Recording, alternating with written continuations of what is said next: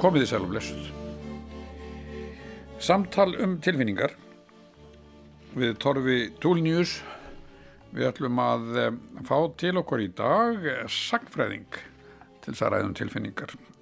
Hann er sestur hjá okkur, Sigurdur Gilvi Magnússon, verður velkomin. Takk fyrir. Sigurður Gilvi Magnússon útskrifaðist með B.A.próf í Sackfræði frá Háskóla Íslands 1984 og held svo til framhalsnáms í Bandaríkjónum, nána tiltekið við Carnegie Mellon University í Pennsylvania. Þaðan lög hann meistaraprófi í sömu grein 1987 og síðan varðan doktorsritjar við sama háskóla 1993. Doktorsrit hans fjallaði um samhengi hverstarslífsins eða um alltíðumenning á Íslandi frá 1850 til 1940. Sigurður Gilvi hefur verið prófessor í menningasöðu við Háskóla Íslands frá 2014. Þar áður gengdan fræðimannstöðu við þjóðminnesafnið og þessu stað er kend við Kristján Eldjátt fyrirverandi fórseta og þjóðminnavörð. Áður hafði Sigurður Gilvi starfað innan viðbanda Reykjavíkur Akademíunar en hann var einn af stopnendum hennar og fóristum aður hennar um ára byll. Sigurður Gilvi hefur skrifað á þriðja tug bóka og komið að rítun margra annara, bæð á ennsku og íslensku. Eftir hann líkur líkað mikill fjöldi rítgerða og bókarkabla. Hann tilheyrir þeirri kynnslóð sakfræðinga hérlendi sem hafa fært út kvíjar fræðigreinarinnar til sífælt fleiri sviða mannlífsins. Fyrsta bókin hans sem byggði á björritgerðinni fjallaði til dæmis um lífshætti í Reykjavík árunum fyrir stríð, eða setna stríð.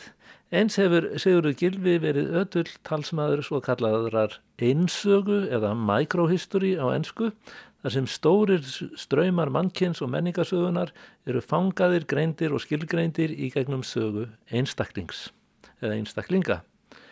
Tilfinningar eru eitt svið mannlíf sem sakfræðingar hafa verið að færa sig inn á undanfarna tvo áratví eða svo og þar hefur Sigurður Gilvi ekki leið á liði sínu. Bók Sigurðar Gilva frá 1997, Mentun ást og sorg, vakti mikla aðtegli því þarna var hann að kynna aðferð einsögunar í rannsótt sem byggði að verulega leiti á dagbúkar skrifum tvekja bræðra á ströndum á 1920 stöld. En þar var ekki síðu verið að setja tilfinningalíf þessara bræðra í sögulegt samhengi. Setna á þessu ári kemur út bók eftir Sigurður Gilva hjá hennu virta uh, enska forlægi, Rutledge, sem ber titilinn Emotional Experience and Microhistory, a life story of a destitute pauper poet in the 19th century. Títinni mætti því að svona, tilfinningar er reynst og einsaga, æfi fátæks allþýðu skalds á 19. öld. Og þarna erum við komin að efni þessara þáttaraðar um tilfinningar. Velkomin Sigurður Gilvi. Ef við ekki að byrja á bókiðinni frá 1997, Mentun, Ást og Sorg, Hvernig var tilfinningarlíf þessar að tekja bræðara þeirra Haldós og Níelsar og hvaða leiti var það dæmigert fyrir samtíma þeirra?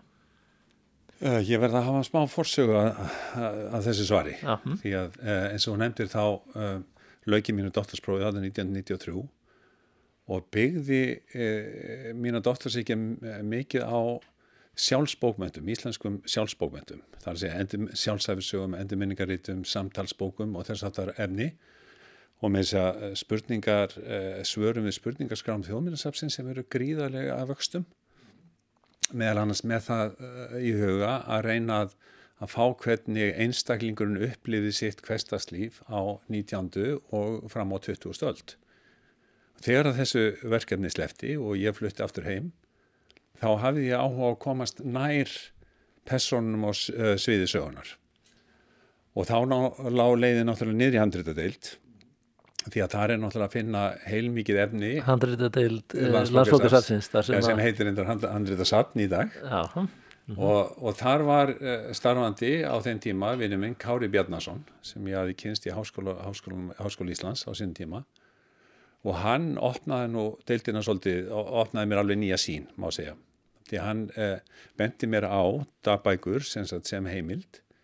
Og svona fyrir ákveðna tilvíljum þá dætt ég ón á þessa dagbók Haldós Jónssonar frá, frá uh, miðdalsgröfi í Kirkibólsreppi og ég byrjaði að lesa með það í huga að svona kynnast hverstaslífinu bara á þeim tíma sem það gerðist ef við getum að, bara út frá samtímanum sjálfum. Já, hverstaslífið og, og það á náttúrulega tilfinningunum heldur betur, heldur betur, heldur betur. Já, og, og ég var ekki búin að lesa lengi í, í dagbók Haldós þegar að hann vísar í það að bróður hans, Níels sem hann kallaði Nilli að hann var í líka að byrja að halda dagbók. Og mér þátti þetta mikil og góð tíðindi því að, að báðir um, lístu þeir hverstarslífinu eins og að þeir, hefðu, þeir væri að bregða upp sko þeir væri með vídeomyndavél og, og, og lístu bara því sem var að gerast í eh, baðstofunni í, í það sinni sem þeir voru að færa inn í dagbóksina. Já, þetta er ekki bara svona það sem er skrifað niður hittastíð og hvernig ekki eitthvað mjölka kúnum eða neitt svolítið, þetta þetta eru svona einlega hálgeri rítumundar. Já, eða sko, þeir, þeir byrja sko, þeir byrja fyrst svona frekar stíft Já. með því að, að mæla nýtin í kúnum og mæla uh, e, túnið og vekkleðslur og svo framvegis. En síðan færa þessi smátt og smátt upp á skaftið og þá er það svona kvestaslífi sem ma maður e, hérna, finnur virkilega stert fyrir þessum dagbókarskrifum og e, Haldur endraði að, að, að, að halda dagbók í 24 ár. Hann fjall frá 1912 í sjóróðuri á, á, á Húnaflóa en Níels sem flutti að Gjögri, hann held sína dagbúk í 40 ár. Þannig að þannig var ég með í höndunum gríðarlega áhugaverðar heimildir um bara hverstaslífið og þegar ég byrjaði að lesa dagbók Níelsar þá kemur mjög fljóðlíði ljós að hann er í tilhúalífi, hann er, uh, er ástfangin maður af heimasjöldinni á Gjögri og hann er með þess að gera uppköst að ástarbrefum sem hann er að... Og þetta er þá rétt fyrir aldamóti 1900? Já, þetta já. er svona á síðasta áratug 19. aldar. Uh -huh og ég nýpp í, í, í handritavörðin, vinn minn, Kára Bjarnason og segi, er þetta ekki með ástabrefn einhvers þar og hann kemur að vörmurspori og þá með freyju konfektkassa stúdfullan af ástabrefn eh, frá Níelsi frá Níelsi, ástabref sem eh, Níel skrifaði Guðrunu heimasettun á Gjari og þetta voru Ég ætla að leifa sko, eh, hérna, áherjandum að vera svolítið spendir yfir í hvort að Eh, ástafliðin hrifu og hvort að úr þessu var tónaband Jú heldur betur þau hrifu. Já, þannig að hérna, það er nú sagað sér frá því, ég ætlum ekki alveg að fara út í það á þessari stundu en, en þarna sem sagt opnaðist ákveði tækifæri að, að fjalla einmitt um tilfinningalíf þeirra. Og það sem vakti náttúrulega aðtikli mín að þegar ég var bara búin að komið svolítið vel inn í þessa báðardabækur það var einhver þrend það var í fyrsta lagi þessi ótrúlega laungun þessara bræðra í mentun. Þeir voru alltaf að afla sér eh, meiri mentuna, meiri upplýsingar um bara lífið og tilveruna í mjög viðkvæmum heimi sem þeir byggu í.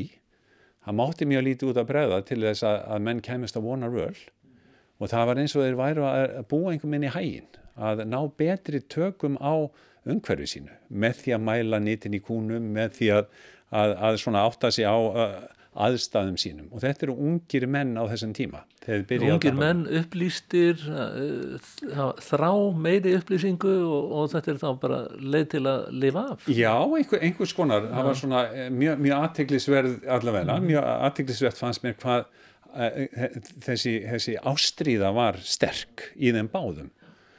Og sem dæmi Haldur hann, hann skrifaði upp allar bækur lestrafélag kirkibólsreps og merti síðan við hvað hann hafi lesið og það var um það byrja helmingurinn af, af, af bókunum. Og hvers slags bækur voru, voru það fyrst og fremst bækur sem hægt var að hafa svona hagnýtan tilganga af eða voru þetta hvort, hvort bækur um hensbyggjileg málefni eða, eða tilfinningar? Já, eða? það var, var hvort vekja sko. En, en er þetta ekki óvægilegt að, að fara þessa leið frá allt svo þessum praktísku upplýsingum um tíðarfar og nýtíkunum og svo framvegis og að opna inn á tilfinningar. Ekki mjög, var ekki mjög algengt að fólk skrifaði dagbækur alla sína æfi kannski bara um siktin á snjóskablón Jú heldur betur, það eru svo kallar veðudagbækur, það voru menn sem heldur veðudagbækur í ára tíi og aldrei, koma aldrei inn á neitt annað heldur en bara veðri Já, já það, já reyndar sko það er til svona dagbækur sem langt af mig held sko að veðrið kemur alltaf fyrst og svo kannski ef að börnin fætust já, já, já, og þannig var þannig er til dæmis dagbók Níelsan hún er mjög nákvæm veðurlýsing já. en einhverja fallegustu eh, og eh, blæbriða ríkustu lýsingar af veðri sem ég hef nokt í hann lesið. Og það, það var kannski þreysur á dag sem hann lísti sko svona hvernig veðrið á, á, á gjögri hafi breyst. Þannig að það, það var alveg líka í en hann, hann skrifaði um, þeir skrifaði um mikið meira heldur en það það sem, nummið tvö það sem vakti aðtikli mína það var að fólk var alltaf að deyja í kringu það. Fólk á besta aldri. Og um, takið eftir þetta er á þenn tíma þegar um miðja 19. öldina þá er sko 35% ungbarna döði á Íslandi. Eh, Mattias Jökkumsson ég segi stundum þess að sögu bara til þess að lýsa hvaða, hva, hva, hvaða þýðingu svona tala hefur. Mattias Jökkumsson sem var nú fættur 1835 minni mig hann er svona cirka, nei hann er næsta kynslu undan þeim já hann er íla næsta kynslu undan en hann, hann skrifa sína eh, sjálfsafisögu þannig í, í loka 19. aldar í upphafi 2000 mhm. hann er lengi að því mm. og reyndar næri ekki að klára hana sögukablar af sjálfum mér sögukablar af sjálfum mér, já, frá, frábært verk mm -hmm. og hann segir frá því að hann er 11 ára gammal í, eh, hjá frængu sinni þar sem eh, barnaveikin eh, helli sér yfir sveitina og þessi fjölskylda sem hann býr hjá missir fjöguböld eina á einni viku. Og kona nummið tvö, hann var þrýgiftur hún misti sex sískinni í þessari sömu viku í sömu sveit. Og þá spyr sagfræðingurinn hvernig lifir fólk þetta af? Hvernig getur það tekist á við þessa sorg? Og dagbókin veitir ákveðan insýn inn í það því að það vakti aðtegli mína að þetta eru, þetta eru bræður sem, þeir voru nýju bræðir strandabræðir það eru fjóri sem komast á legg. Ég eftir því. Við erum búin að missa fimm bræður bara Já. áður en þið verða fullarnir. Já. Já, og móðir er að hún deyr uh, þegar þeir eru á, á, á unglingsaldri er, er rétt nýfemdir. Þannig að, að, að, að það vekur aðtegli hvaðir eru einhvern megin hvaðir eru látlausa lýsingar af stöðugum eh, eh, döðsföllum allt í kringu á og með sko skelvilegum afleggingum bara eins og þegar að haldur sjálfur fellur frá þá eru fimm uh, ungir bændur sem farast þar í sjóróðri á, á, á húnaflóa og þar verða fimm fjölskyldur og mann margar fjölskyldur sem missa fyrirvinnina þar. Og þá tvistrast fjölskyldunar ef ekkunar giftast ekki yngri vinnumanni sem tekur við búinu og maður horfið oft upp á algjör á upplausn í heilum sveitum eins og bara í kirkibólseppi við slíkar aðstæður. Þetta er svolítið áhugaverð samspili með annars vegar tilfinninga og hins vegar e, svona blákals efnislegs veruleika þar að segja að, að, að þegar maður missir fyrirvinnuna þá er Já. maður ekki bara að missa ástvinn og, og eigin mann þá í þessu tilfelli þetta er maður líka að missa bara það sem þarf til að lifa af. Já, Þannig, akkurat. Ja. Já, það er, já, nákvæmlega. En, Þannig að svo... það lítur að svona, hafa ársif á tilfinningarnar og tilfinningarlífið ekki satt. Jú, heldur betur og ég menna að það er akkurat, maður, maður eiginlega sko horfið upp á bara fjölskyldunar einhvern meginn, bara tvistrast og það er náttúrulega mjög margar eins og í sjálfsafis og margar sögur af slíku en ég fór að velta fyrir mig sko nýti, ég hafði nefnilega rannsakað svolítið 19. öldina þarna í dottarsikinu minni og það vakti aðtegli mína að það var, það var hægt að tala um nánast 100% læsi í samfélagi sem vantaði allan infrastruktúr. Það var engi skólan, það var engi vegir, það var enga brýr, sangöngur allar í, í, í lamassessi.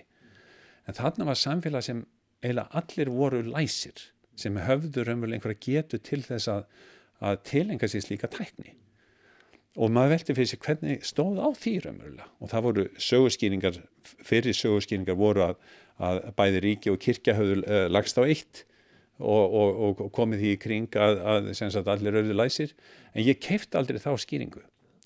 En mér fannst ég átta mig á það í gegnum dagbæku strandabaraðara að læsi var umverulega nöðsynlega tæki til þess að komast í gegnum sorgina. Það veitti þér aðgang af, af bókmentum og skaldskap sem sefaði sorg þína. Skiljiði og serðu merkja þess í dagbókunum að þeir eru að vitna í kvæði eða yrkja ég meina þeir söfnuðu kvæðum. Já, ég meina Haldur tekur saman 15 ljóða söfn. Já, og sum þeirra eru sko allt í eh, hátt í 400-500 síður. Og þeir bindaður inn og þe þessi söfn eru látið ganga. Eh, Tómas Víðförli var maður sem var á, á reikið þarna í kirkimálsreppi og þar í kring. Skált sem náttúrulega bara hvað vísur og, og enginn sapnaði saman nema Haldur sapnaði hans hvaðum og þeir komu í sekjum til hans eftir látt Tómasar. Hann, hann Mik mikið, ma mikið magna af vísum Róður Svensson orti. Já, já, já, nákvæmlega. Og, og, og þetta hefur varðveist vegna þess að hann skrifaði þetta allt saman upp raðaði þeim upp og ég með lýsingar á því í dagbókinni hvernig hann vinnur, hann er mjög vísindalegur í sinni vinnu og þessar, uh, þess, þessi kveðskapur hann varðveitist vegna þess. Og lausavísan er náttúrulega hún, hún á orði yfir hverja einustu tilfinningu.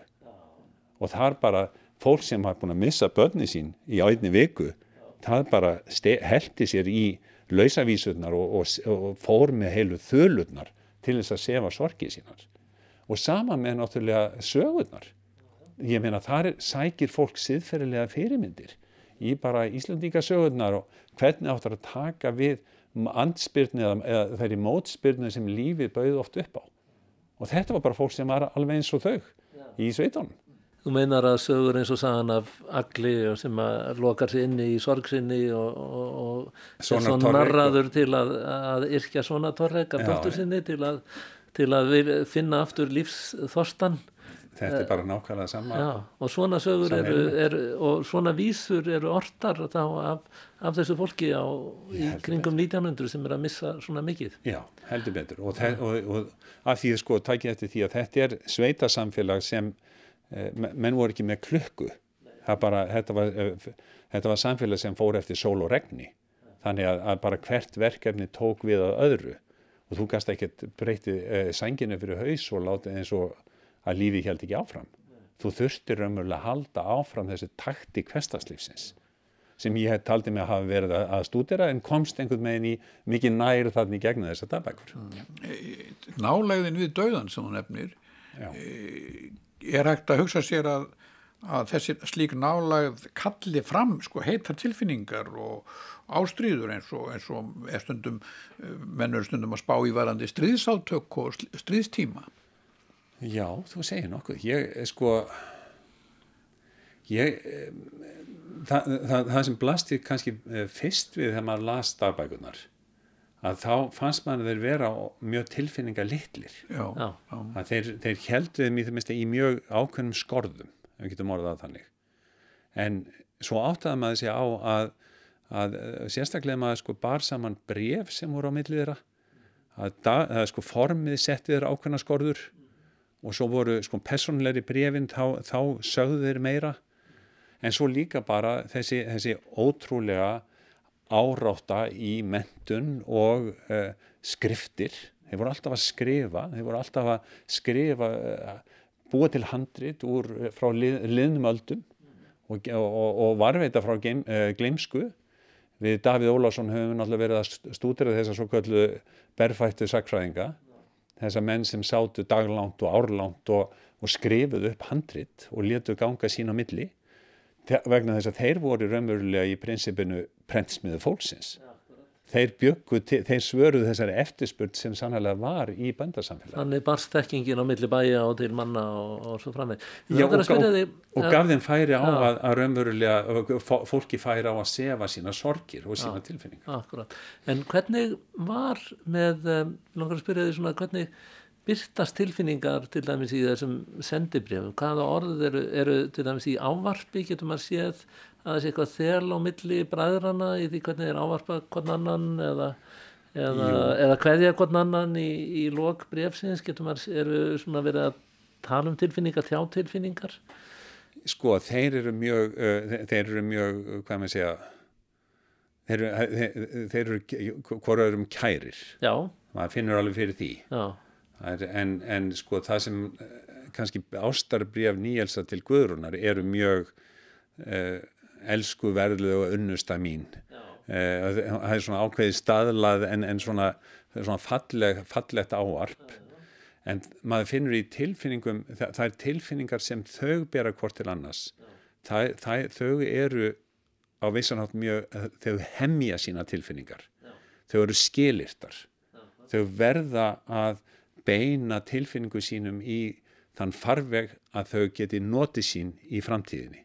Þau verða að sækja fram, þau verða að afla sér mentunar, þau verða að bæta hagsinn, bæta ráðsitt og þetta kemur fram, það er mjög óennilega, eiginlega óennilegt ásta, þessi ástarbrif Níels að þýleiti, hann er alltaf að hvetja hana til dáða hún þurfa að afla sér meiri mentun og hún þurfa að komast á gott heimili og læra að hann yrðir og, og, og svo framvegis Þannig að það er bæði verið að halda, viðhalda þelinu sambandinu og Já. diffka það kannski en um leið að skapa kannski efnaðarslegan praktískan grundvöll undir ráðahægin sem að vonandi verður Já. í framtíðinni Já. Þetta er ekki romantísk brjálaðislega romantísk ást hún er, hún, er, hún er sett í tiltekinn struktúr Já og það er það sem ég hef uh, skrifað nú grein uh, fyrir, fyrir já, þetta, þetta sé nú orðin einn fimm ár síðan þessi grein byrstist í Journal of Social History sem, sem heitir hlaðan að slá henni upp hérna uh,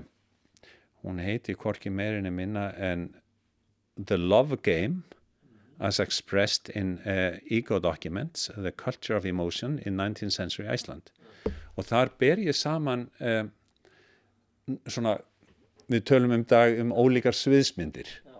Að uh, ég ber saman nokkrar ólíkar sviðsmyndir. Ég tek strandabræður mm -hmm. og hvernig þeir sko svona hugsuðum ástina. Þeir voru í magavali. Hva, hvað, hvað vakti fyrir þeim raunverulega? Ég tek Magnús Hájóð Magnússon og hans uh, sem er fyrirmyndin að ljósvikingi Haldur Slagsnes já heldur Ólafi Kárasinni Ólafi Kárasinni og ég tek fyrir eh, bræðunar eh, Ólaf Davíðsson og Guðmund Davíðsson. Þjóðsagnarsamnaran og, og, og bondan, og bondan já, á, í fljótum. Uh -huh. og hver var nú í, að, það var nú held ég einhver einni við bútt en e, þessa, e, þessa aðeila tek ég. Já.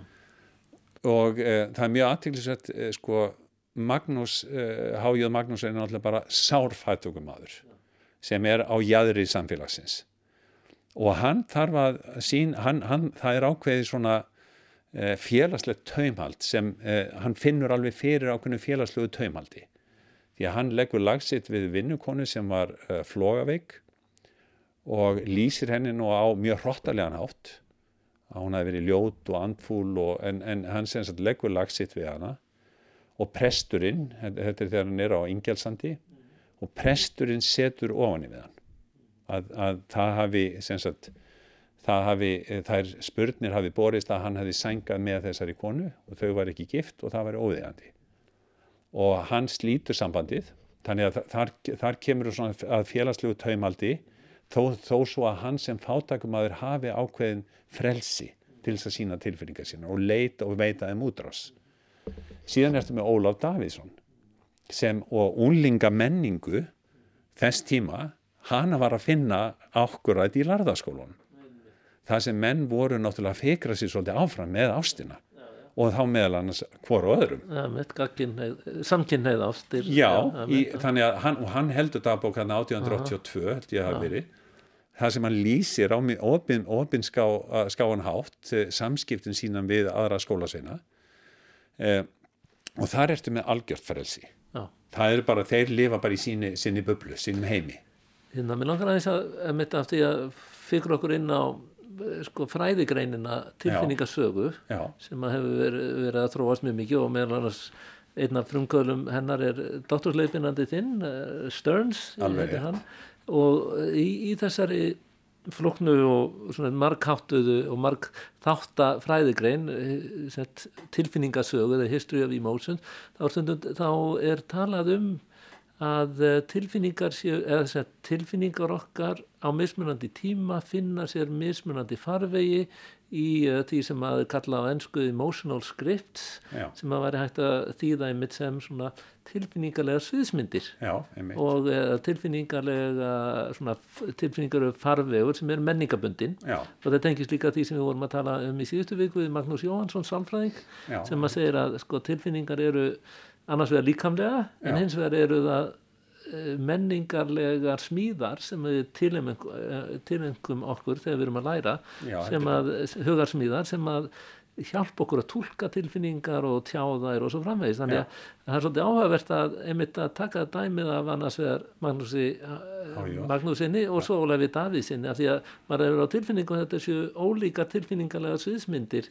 Annars vegar á Ingjaldsandi og hins vegar í lærðarskólanum í Reykjavík. Já og svo er, erstu með bróður Ólaf sem er mm -hmm. náttúrulega, þetta er fólk sem er á ríku fólki komið og þar ertu með uh, sagt, Ólöfu Einarstóttur raunum sem hann endar á að giftast og hann heldur dagbók og hugsanabók og svona alls konar pælingar á, á, á þessum tíma þegar hann er í tilhugalífinu og hann er að spá svolítið í ástina og þessu fram og tilbaka en þar eru það kallarnir sem stíga inn og taka í taumana feðunir þeir leiða saman hesta sína þeir eru að styrkja sín sín bönd og þeir, þeir ráða svolítið mikið að þessi, þetta par nær saman. Og náðu þau saman? Já, já, þetta, er, þetta er það sem við finnum að í dag að gerist í sumum löndum sem aðhyllast Islam og svona. Já, eins og Pakistan er frækt dæmi um það þetta er með, þetta, þar eru eh, hjónabönd ákvarðið af, af foreldrónum í miklu samningavirðanum en, en það er líka ákveðna leiðir til að, að þetta, þetta unga fólk nær saman að einhverju leiti og hvað hva, hva gerist þannig í fljótonum? Ég sko í raunum verið held ég að, að þau, voru, þau, voru, voru, já, þau voru ekki neitt í, í, í, en, en það var greinlega greinlegt að þessi ráðahagur þoknaðist fóröldran það var eiginlega þannig. Uh -huh. eh, og eh, hún hafði neitað eh, vonbyðlum áður. En þetta var svona eitthvað sem eh, var greinilega, það var ákveðin struktúr í kringum þennan ráðahag uh -huh. sem þú finnur ekki hjá Magnús í Hájóð og þú finnur ekki heldur hjá eh, Níels og Guðrún í Ágjöðri það er svolítið öðru vísi en þau setja sér samt sem áður ákveðina skorður Já. bara vegna þess að þau þurftu þess mm -hmm. til þess að, að þrauka þorran á góðuna þau gátt ekki verið stjórnlösi sinni ást eins og Ólafur Davísson er. Já, þetta, þetta er samtíma fólk annars vegar fólki í Gaugri og hins vegar fólki í fljótonum pörinn, en fólk, pö, parið í fljótonum er ríkt. Já. þannig að það eru svona efnarsleir hagsmunir fólknir í því að koma þeim saman. Að móti, að móti er fólkið á ströndu þetta er fátækt Já. og það þarf eiginlega að ná ákveðni efnarsleiri stöðu til að fá að giftast Já. og bara geta stofnað heimili. Já og sem er, það, þetta er um, merkilegt líka í samband við strandafólki vegna þess að, að sko þarna það sem mætti aðtegli mína líka í dagbókaskrifunum var þessi ótrúlega löngun í framfarir. Menn bara, þú veist, þannig erum við eins og ég var að lýsa samfélag sem það var sárafátækt og, og raunverulega án þessa infrastruktúr sem við þekkjum sannlega í dag og, og var til í mörgum öðrum löndum, hér var við, við vorum ekki með neitt. En þau hafa þessa löngun til þess að sækja fram og þau hafa mikla trú á samfélaginu. Og ég notaði kenningar Freuds þarna í um, sko, í sambandi við anticipatory grief.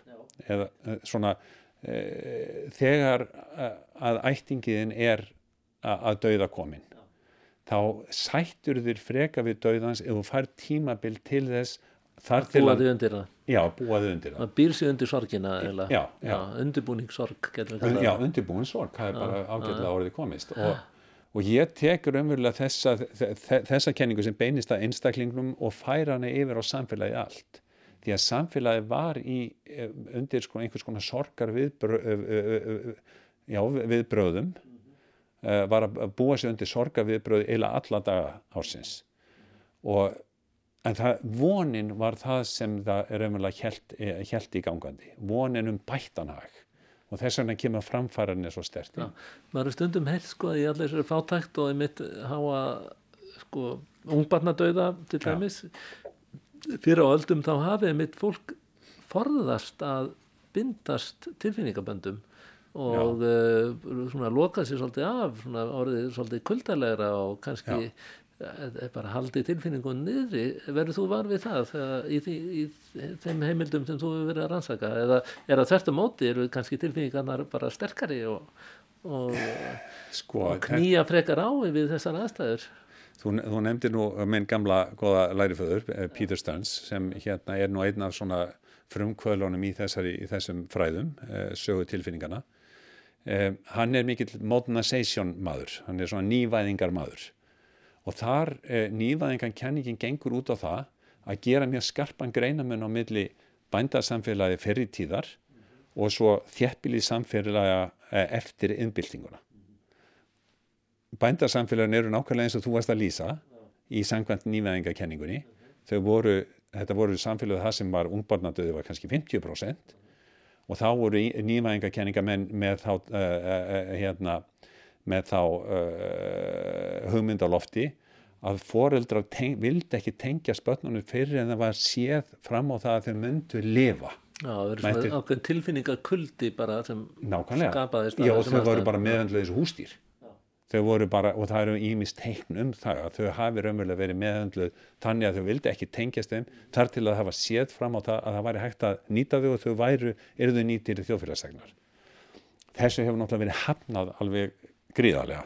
Og meðal annars vinkonu okkar Barbara Rosenwein sem er nú meðaldafræðingur sem eh, hérna þú fegst nú til Ís Íslands hérna fyrir nokkrum árum. Barbara Rosenwein, professor í við háskóla Loyola, Loyola háskóla í, í, í Illinois, er það ekki? Já, hún eh, hefur skrifað mikið um sögu tilfinningan og er kannski svona stóra nafni í þessum fræðum Já, algjörlega, og, það, og hún er eiginlega, sko það er svo fyndið að, að, að minn gamli profesor Aha. hann fór til hægri Já. og ég fór til vinsti, við fórum bara í alveg við tókum alveg allt aðra stefnu Aha. hann varð svona einhvers svona uh, hvað maður segja uh, heimsögu maður, hann fór að hugsa um stóru línunar svona hvernig tilfinningar samfélögin urðu til Eh, í, sko, með mjög stórum strókum á meðan ég fór onni í smáu samfélagin í gegnum e, mikrósögun eða einsöguna og þar hitt ég fyrir á, á fleti e, e, Barbara Rosenmæn og þar, er mitt, er, getur, þar kemur einu saganinn og kannski mismunur á tilfinningarlegum upplöfum einstaklingi innan sama samfélags og sama tíma. Nákvæmlega. og ég var svolítið að reyna í að því á þann og ég ætlaði bara að spyrja þið beint út þannig að í sambandi við þessa mismunandi sko, efnaðslega stöðu og tilfinningar. Getur, er hægt að segja að sumir hafi haft efni á tilfinningum en aðrir ekki? Já, ég held að það sé alveg rétt. Það, ég held að tilfinningarna séu, séu raunverulega aðstæðu bundnar. Það, og ég menna það er þessi saga sem ég er að segja þessum, þessum fjórum sviðsmyndum að þær eru, þær eru gefa til kynna það að sko tilfinningarlíf Íslandinga á 17. Eh, eh, hérna 19. aldar hafi mjög verið aðstæðu bundnar og stjættbundnar stjættbundnar notum bara orðið stjættbundnar en, en þá kemur þetta merkilega samvast að lýsa með, með uh, þau Níels og Guðrún og Gjóri já. þetta að setja sér mörg að setja sér hamlur já Muna, úr hvaða stjættasammingi er við hva, eða í hvaða stjættasammingi er við komið þarna? Þetta er mjög, þetta er svo rosalega í rauninni virkar eða hljómar eins og svo mikil yfirvegun já, og mikil sko félagslegu þroski. Já, heldur betur, það fer ekkert að milli mála. Þetta er, þetta, er, þetta er velgert fólk og er, þetta er fólk sem er einhvern veginn eins og ég var að segja sko, bara er viðarassi tekkingu, það er alveg sólkið í meiri upplýsingu. Þetta er náttúrulega bara upplýsingin mm. sem er þarna á setjumluta átjóndaldar í Evrópu, í Fraklandi uh -huh. hún er að bara setla niður til íslenskar alltíði á setjumluta nítjandaldar með þessu líka glæsibræk uh. það er ekki hægt að neyta því að því að fólk bjó við þannig aðstæður að, það, að hérna það var ekki auðvelt að afla sér uh, mentunar. Já, en uh, tökum Ólaf Davíðsson og Já. tökum þetta út frá einmitt með stjættargleruðunum er ekki hægt að segja líka af því að Guðrún og Níels þau verða að setja þessu hömlur til að komast upp í samfélaginu og Já. því læra sem maður er í samfélaginu því meiri hömlur Já. og svo yfirstjættadrengurinn Ólafur Davíðsson í læraskólanum með hinnum yfirstjættapejónum þeir gáttu leift sér ákveði frels í tilfinningamálum og fariði með gegn bara eh, jafnvel sko bara tabú já, sem já. er tabú gegn hérna samkynneigðum ástum. Já, já, já, ég meina þarna sjáum við eitthvað sem við getum kallað sko svona sameilett minni þessa hóp sko. Að þeir, þeir búa til einhvers konar svæði eh, menningarlegt svæði eða rými það sem þeir geta leikið sér með sína tilfinningar. Það er ekki dörfið sem, sem aðrir hópar í samfélaginu höfðu ekki kost á vegna þess að bara struktúrsamfélagsins var þannig. Hver bær var eiland þannig að það séð Þannig að samfélagslega kúunin er líka virtist líka í tilfinningunum og tilfinningarlefinu eða valdbeitingin eða valdarskip og, og þar ertu með valdarstúrarnir já. Já, já, og, þa og þar ertu með náttúrulega uh, dæmið Magnús H. Jóð alveg sem er frábært. Því að hann er náttúrulega eins og við vitum þá hafa margir uh, uh, skoðað hann Gunnar M. Magnús skrifaði náttúrulega þessa frábæru uh, hérna æfisögu hans uh, 1957 minn með að hafa verið uh, Skáldi og þröm ég, ég, ég, ég las hana sem unlingur og hún hafi bara sko, verulega áhrif á mig Haldur með heimsljóst náttúrulega einhverjum, já hvað, 40 árum fyrir. Þetta er fjörða áratunni. Já, fjörða áratunni, já. já. Og það er sama þar, ég, það er einstæðingskapur skáldsins, það talaði mjög til unglingsins Sigurða Gilva Magnússonar. Ég, ég fann það, hann, hann snerti mig sko, Ólafur Kárasson og, já, já. og hvernig hann var einhvern veginn inn í heiminum. Akkurat.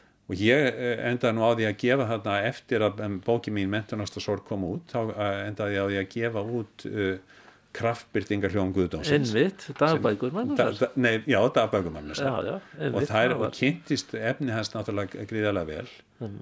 og, uh, og hef nú svona leikið mig svolítið með það svona fram og tilbaka ég mitt í kringum þessa sögu tilfinningarna það sem já. ég er að, og hann er okkur dæmi um þetta sem þú ert að nefna já.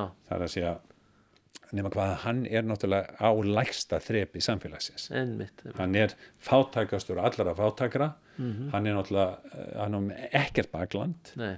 og það eina sem hann á eru kallandi berfætti sakfræðingarnir en það sem ég er að gera í þessari nýju bók sem er að koma út hjá Radlets núna já. í mæ Er hún um Magnús? Hún er um Magnús. Já, bara, það, það er hans saga eiginlega. Magnús er að, leggja, fara að leggja heiminn en, en á nýju.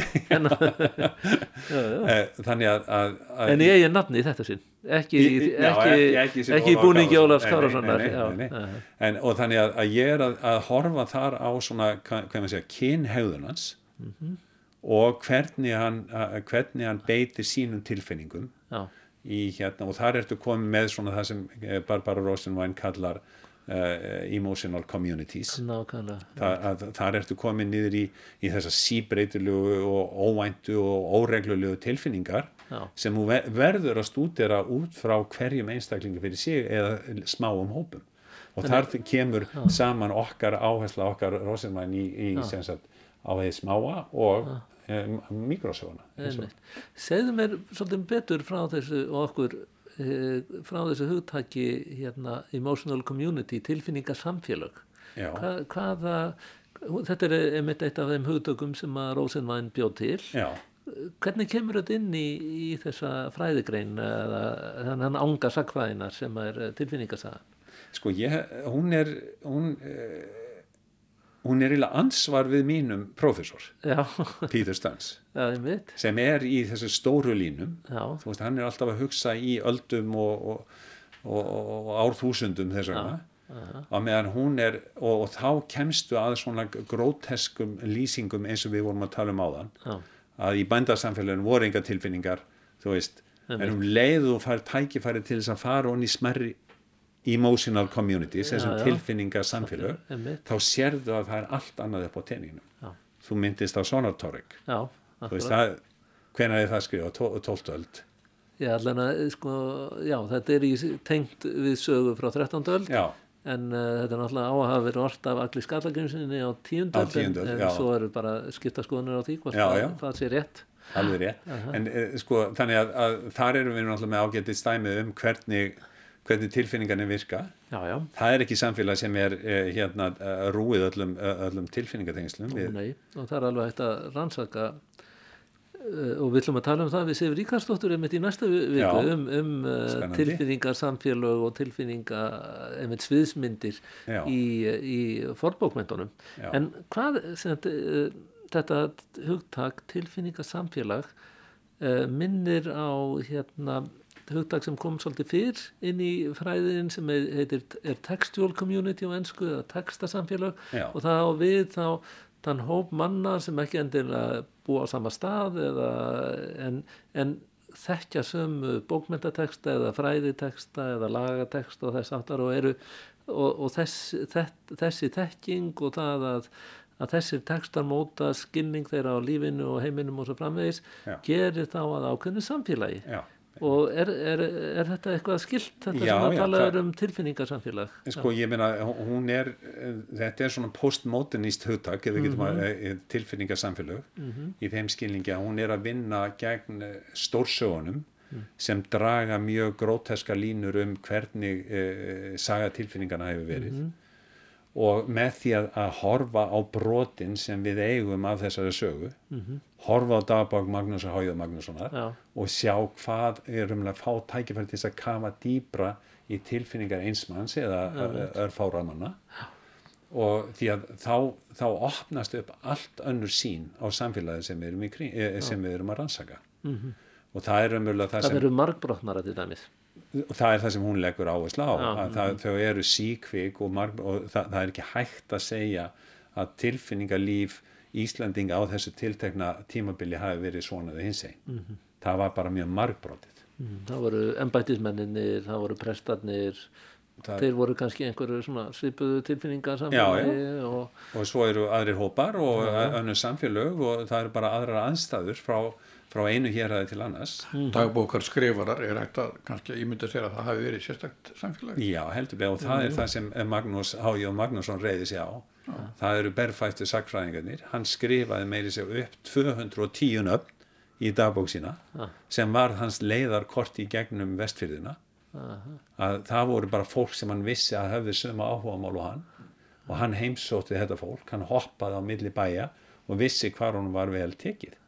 Því að það var hans tilfinninga samfélag Ef við gefum okkur, tölum svolítið meira um Magnús, ef við gefum okkur að hann sé svona þessi þrengt á hann út af því að hann er niðursetningur og allt þetta Já. og hann í raun og veru leif, leifast honum ekki ákveðna tilfinningar en hann er samt að brjóta stút úr þessum viðjum sem að samfélagi er að setja honum og, og, og hvernig fer hann að því og hvernig er bröðist við því?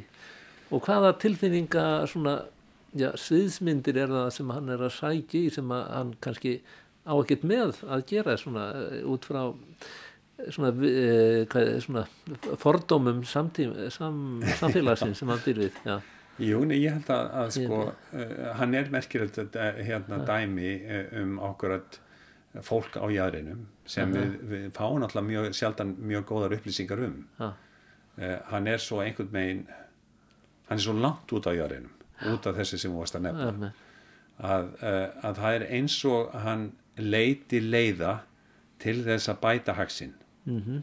og það er náttúrulega í gegnum skriftirnar og gegnum -huh. berfættu sakfræðingarna, þetta samfélag þeirra en á leiðinni þá er eins og hann, hann, hann gangi á lægið mm. við þá sem eru jável endlægri heldur en hann mm -hmm. ah. og, og uh, einhvern megin uh, hann er náttúrulega dæmdur fyr, hann, hann, hann er dregin fyrir, hann, fyrir domstóla -hmm. út af því að hann hafi naukað sem sagt fermingastúrku -hmm. sem Ágústínu sem mhm. hérna sem hafði var fyrirverandi sem hann hafi búið undir ferminguna og hann er reynda síknaður af nöðguna kærunni en er dæmdur fyrir að hafa misnotað valdsitt mm -hmm. í raun og veru og ég, eh, hann, eh, lýsing hans í dagbókanu er náttúrulega mjög sérstök af þessum mm -hmm. atbyrði hann, hann lýsir atbyrðinum raunverulega, mm hvað gerðist að hann uh, hann fer upp í rúm til hennar þau eru mhm. eini í húsinu, hann fer upp í rúm dregur uh, niður ljósið og fer upp í rúm en heldur því fram að ekkert hafi gæst vegna þess að hann hafi mist sæðið áður en til uh, uh, samnæti koms mm -hmm.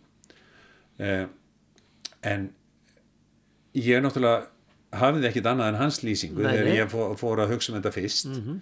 En sé í dagbókunum hann er mikið að fjalla um karla eins og hann mm. sem leggja lagsitt við mikið yngri konur já. og ég, sem, ég bara let hann hafa orðið þegar ég var að, fjalla um þetta fyrst mm en síðan og náttúrulega svo eh, brennur uh, skjálasafn uh, síslamannsins á Ísafjörði á þriði áratögnum mm. þannig að, að, að alla vittnarleðslur í kringum hans mál þær eru hornar Já, þannig við veitum ekki hvað Ágústína sagði til dæmis Nei, við veitum bara og reynilega ekki hvað fór á milli síslamanns og, og, og Magnúsar ja. en uh, síðan var málinu vísa til landsifréttar mm -hmm. og þar bara það er ekkit langt síðan að ég komst yfir sagt Eh, rauksend bæði verjanda og sækjanda mm -hmm. og þar kemur ímislegt í ljós það sem meðal annars Magnús er sagaður um að hafa áður uh, reynt uh, að nauka nefnda sínum mm -hmm. sem, sem var 12 ára mm -hmm. og hann var að búa undir ferminguna mhm. og þetta setur hann náttúrulega í allt, allt annað samengi mhm. í raun og veru ja. og, og, og ég er svona svolítið að velta þessu, þessari stöðan sem svona mann sem er alveg á botni samfélagstíðans mm -hmm. uh, hvernig hann raunverulega beitir sínum tilfinningum við annað fólk mm -hmm. Því hann átti líka í uh, segja, eðlilegum samskiptum við Kristín á draungum mm -hmm. sem var unnarstans mhm. en, uh, og for, nokkuð, svona jafnaldri eða næránum í aldri næránum í aldri og sem sagt móðir hennar umverulega kemur það er alveg að láta það því líka að móðir hennar mm. hafi komið í veg fyrir að þau gætu ást mm -hmm. þannig að, að hans, eh, sko, hans tilfinningar lífi er hansi markbrotið og áhugavert út af þessu mm -hmm.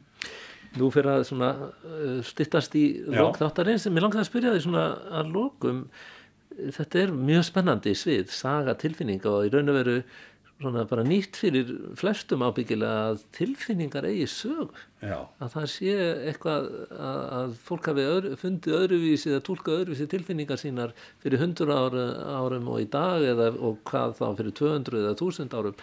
En hvað sér þau fyrir þér sem svona áhugaverð rannsóknarsvið fyrir ímyndum okkur einhver hlustandi sér hérna uh, ungur sagfræðingur eða, eða vill fara að læra sagfræði hvað geta hann fyrir að rannsaka að rannsaka sögu tilfinningana ég held að þetta sé bara svið sem er mjög opið -huh. í raun og veru. Við hefum það er ekki margi sem hafa Sifi náttúrulega sannlega eina af þeim sem hefur skoðað þetta mikið eh, og þá á fyrri öldum. Já og, og það eru eh, ég held að, að sko hver ein, ein, ein, hver einstök tilfinning á sér sína sögu. Ég meina minn, minn profesor skrifaði ég mann 1986 þá var ég í námi hjá Peter Stearns og var í, í lesnámskeiði hjá honum þegar að bókin í hérna Anger Já, um, reyði. um reyðina sögur reyðina, sögur reyðina og mér fannst þetta að vera svo ótrúlega áhugavert viðfánsefni á þessum tíma og það sem hann var að gera hann tók fyrir það sem heitir svona ráðleggingaritt hann skoðaði ráðleggingar advice literature og og var að, að, að var nýbúin að skrifa grein í American Historical Review sem er eitt af svona áhrifamestu tímaritum í heimi sem hétt uh, Emotionology eða struktúr tilfinningana getum við uh, sagt eitthvað svo leiðis og, uh, og það sem hann er að skoða hvernig samfélagi ætlaði fólki að hemmja reyði sína. Hem, já, eða finna farveð fyrir reyði þannig að það má það eru fullt af tilfinningum eftir til að rannsaka. Já, en, en hvað, eftir, já, nei, ég, verða að fá að spyrja það í þjóri gilvi sko, að þú ert með þetta dagbókar skrifara samfélag já. sem varst að rannsaka. Hvaða hóp myndur þú taka úr samtímanum eða allir að eða hvað heldur, hvaða hópur heldur að verði fyrir valinu hjá þessu sakfræðingum eftir hundrað ár sko ég var nú að byrja á minni 70. dagbók. Þannig að ég var að reyna á þetta ég er búin að skrifa 20.000 uh, síður. Þannig að, að ég komi langt fram, fram úr manni með þessu Sigvardi Grímsinni hann bara skrifaði 5.000 síður og langt fram úr, fram úr Magnúsi H.J. það voru bara 4.000 síður. Þannig þú ert að búa efni í hendurnar á sakfræðingum framtíðan Það hendur betur. En, en sko það, það er svolítið áhugavert að skoða uh, 20-staldina í þeim skilgi og ég, ég er náttúrulega búin að gera það í gegnum sjálfsbókmyndinar mm -hmm. og þar tala ég svolítið um sko á fyrirlutaldarinnar erum að ræða svolítið um menningarými sem getur kallað menning vittnesburðarins mm. og það er fólk sem stýgur fram og lýsir því hvernig það tók þátt í sjónstæðisbarátunni mm -hmm. og þá ekki á pólitískum sviðinu heldur mm. bara í daglega lífinu Já. það stækkaði túnið, það byggði upp, eh, byggði upp heimilin og svo framvegis upp úr 1980 þegar Sigurður Magnússon kemur með Möskva morgundagsins mm. þá verður til eitthvað menningarými sem heitir menning hjáttningana -hmm. það sem menn er tólspóra próguminn og allt sem menn steipast yfir okkur, það sem menn er að játa á sér alla syndir heimsins já það er kannski þessu það, það er svona, á, þetta í raun og veru svona tilfinningarleg sviðsmynd er það ekki, svona emotional script eins og Nákvæm, þetta sem gerist á aðfundum já, já, já, og, og það er það sem við erum að sjá í, dag, í, í, í deginum í dag. Við sjáum enda lausar sviðsmyndir tilfinningana. Já, Facebook til dæmis. Já, já, Facebook, leikrit sem Böbum Mortens ímislegt sem er að gerast. En hér verðum við nú að láta staðan umið í, í, í dag. Við, það er nú frestand að halda áfram. Sigur Gilvið Magnússon bestu þakki fyrir að, að spjalla við okkur Torra Túlinni og hlustendur. Takk fyrir. Kæra þakki fyrir að bjóða mér